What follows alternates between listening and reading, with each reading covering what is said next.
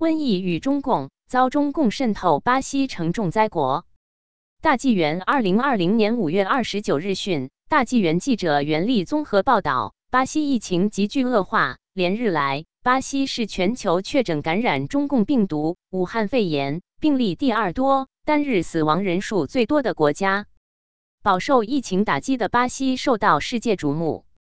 最近，在第七十三届世界卫生大会上，包括巴西在内的一百九十四个国家提出了独立调查中共病毒起源的决议案。但在巴西，针对问责中共的态度，各界表现不一，引发人们就中共对巴西在政治、经济、媒体、国家主权等方面渗透的关注。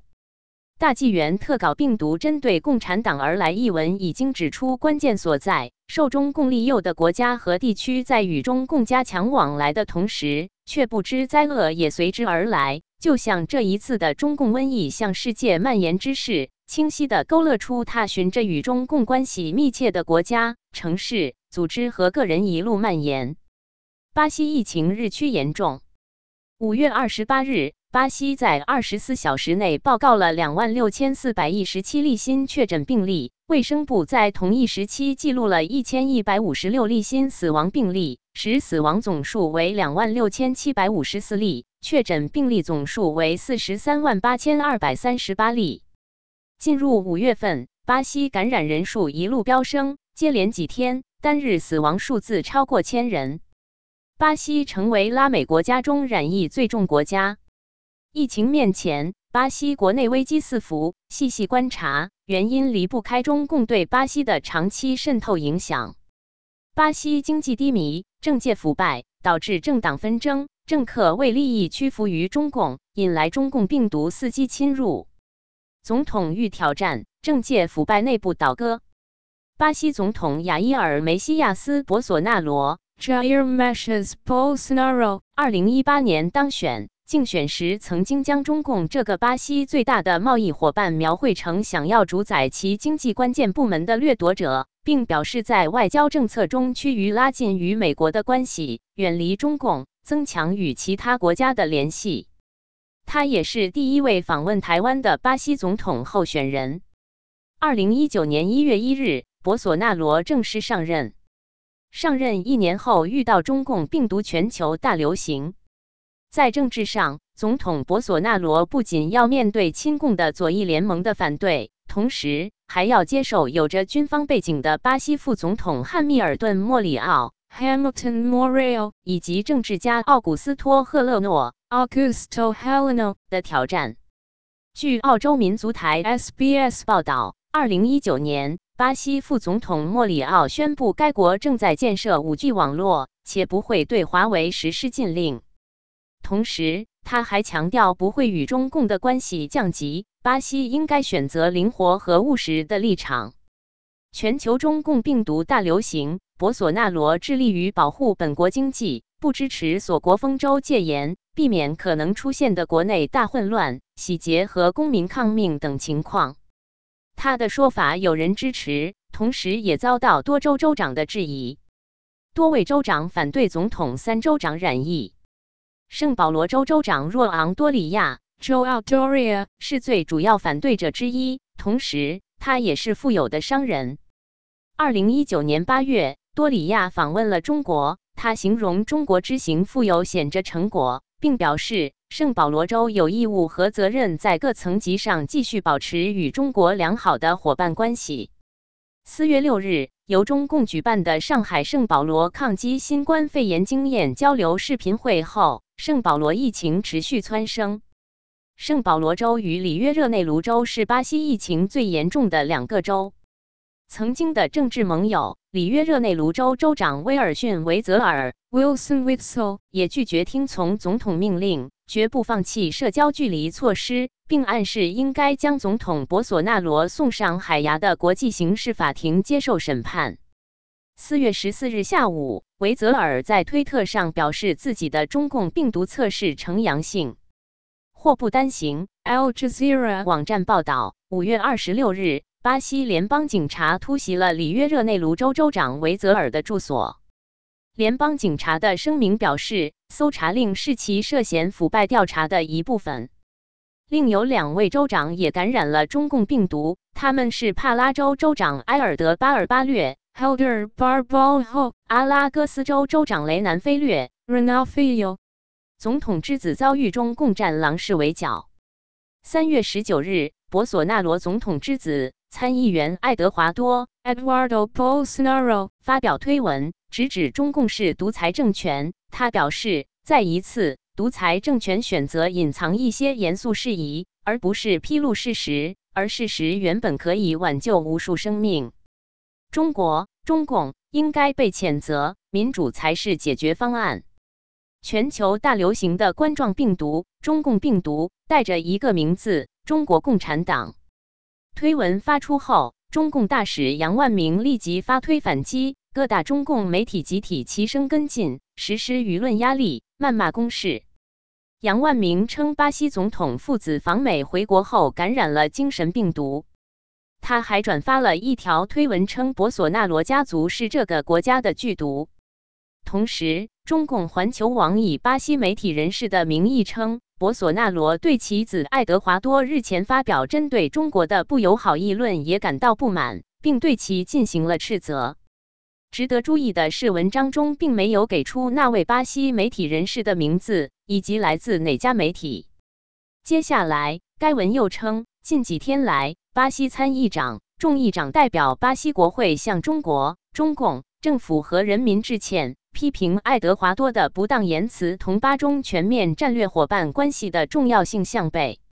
随后又列举了巴西副总统、两位前总统以及拥有二百多名成员的巴西众议院巴中议员阵线和三百多名成员的农贸业议员阵线、参议院巴中友好小组以及巴西主要政党领袖、十多名州长、工商界代表、知名学者、资深评论员。智库和大量网民等纷纷以公告、信函、发帖等形式谴责爱德华多的荒谬言辞，声援中方立场，强调中国抗击疫情举措有力、成效显著，并积极帮助国际社会联防联控，是巴西和国际社会学习的榜样。事无巨细，环球网似乎在告知天下，中共在巴西已经发起了一场巴西文革，煽动仇恨。对爱德华多群起攻之，将中共的地毯式批判做到了极致。接着，巴西一些政要也积极响应。据巴西 Metropolis 网站报道，因弹劾下台的前巴西总统迪尔马·罗塞夫 Dilma Rousseff 批评爱德华多为不公平、荒谬和屈从于沮丧的驻美大使候选人。罗塞夫于两千年加入巴西劳工党。二零一零年获得左翼联盟的支持，打败右翼后当选总统。二零一六年，他遭到弹劾。BBC 中文网报道，罗塞夫受到弹劾的原因是被控非法操纵预算以隐藏日益增加的财政赤字。巴西劳工党是一个民主社会主义政党，也是具有马克思主义背景的左翼政党。巴西众议院议长罗德里戈·马亚。Rodrigo Maia 也为爱德华多的轻率言论向中共表示道歉。二零一九年八月，巴西联邦警察发现了与罗德里戈·马亚有关的腐败和洗钱的证据。联邦警察向最高法院发送了关于调查的最后报告。另一位因爱德华多推文向中共道歉的巴西参议院议长奥尔科伦布勒。David Alcolumbre 称赞中共抗疫起到了样板作用。奥尔科伦布勒本人在十八日确诊感染了中共病毒。大纪元特稿指出，病毒针对共产党而来，清理中共及其因素。对于所有国家、组织和个人而言，其对中共的态度与疫情轻重呈现正比。巴西经济过度依赖中国。巴西人口二点一五亿。国土面积位居世界第五，是拉美国家人口最多、国土面积最大、国民生产总值最高的国家，也是世界第八大经济体、美洲第二大经济体。巴西有着丰厚的自然资源和充足的劳动力，这也是中共觊觎巴西的主要原因。巴西是中共主导的金砖五国的重要成员，也是拉美国家中中共的第一大商贸合作伙伴国。巴西严重依赖原材料出口来发展经济，有专家认为，这与中国成为世界工厂的努力，同时大量使用大宗商品相吻合。巴西倾向于从大陆购买成品。埃信华卖 IHS Market 数据显示，电信和电气设备是巴西最大的进口领域之一。拉美季刊刊登的自由撰稿人理查德·拉普 Richard Lapa 的文章中写道：“总统博索纳罗警告说，中国对巴西的镍矿控制度过高，巴西占据世界百分之八十五以上的储备。”他表示，如果得到适当的利用，巴西将成为世界上最繁荣的国家之一。然而，他又发现，将镍和其他大宗商品从中共的严格控制中分离出来是相当困难的。占巴西镍产量大部分的巴西金属公司 CBMM 依赖于对国际钢铁公司的出口。该公司首席执行官爱德华多·里贝罗 Eduardo Ribeiro 表示，无法离开中国这一主要市场。CBMM 由巴西的莫雷拉萨莱斯家族拥有，占有主要的控股权。但是，二零一一年，五家中国钢铁企业宝钢、中信金属、鞍钢、首钢和太原钢铁收购了这家公司百分之十五的股份。博索纳罗也曾强烈批评这笔交易。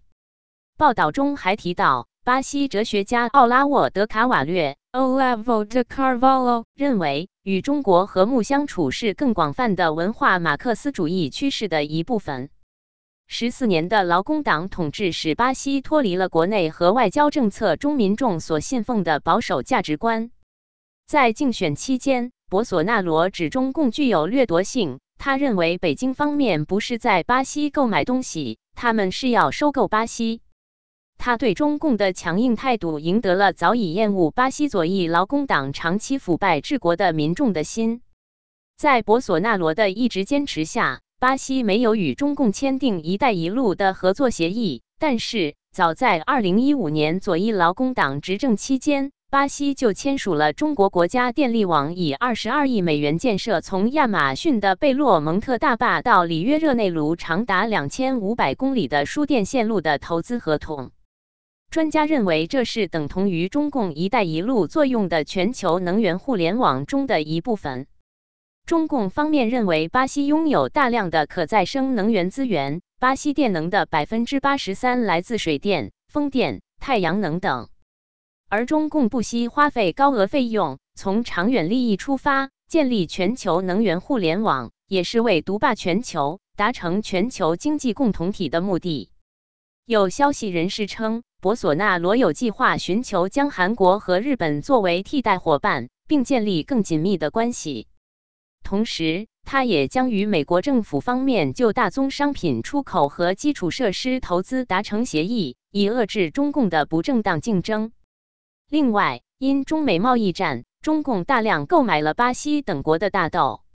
有人质疑博索纳罗政府对中共政权的态度。巴西外交部长埃内斯托·阿拉霍。Ecobedo Araujo 表示：“我们想出售大豆和铁矿石，但我们不会出卖我们的灵魂。”中共大外宣催生华人离奇行径，而在巴西疫情严重、缺失医疗应对能力、医治物资药品短缺的情况下，在巴西的华人社会中却出现了偷盗医疗用品的犯罪事件，主导者竟然是巴西上海同乡会长郑晓云。四月十一日。巴西警方突击搜查上海同乡总会，查出价值约为四百万雷亚尔（约七十六万美元）的医疗物资，有一万五千个病毒测试盒和二百万件医疗物品，其中包括口罩、手套、帽子、工作服、酒精凝胶、温度计等。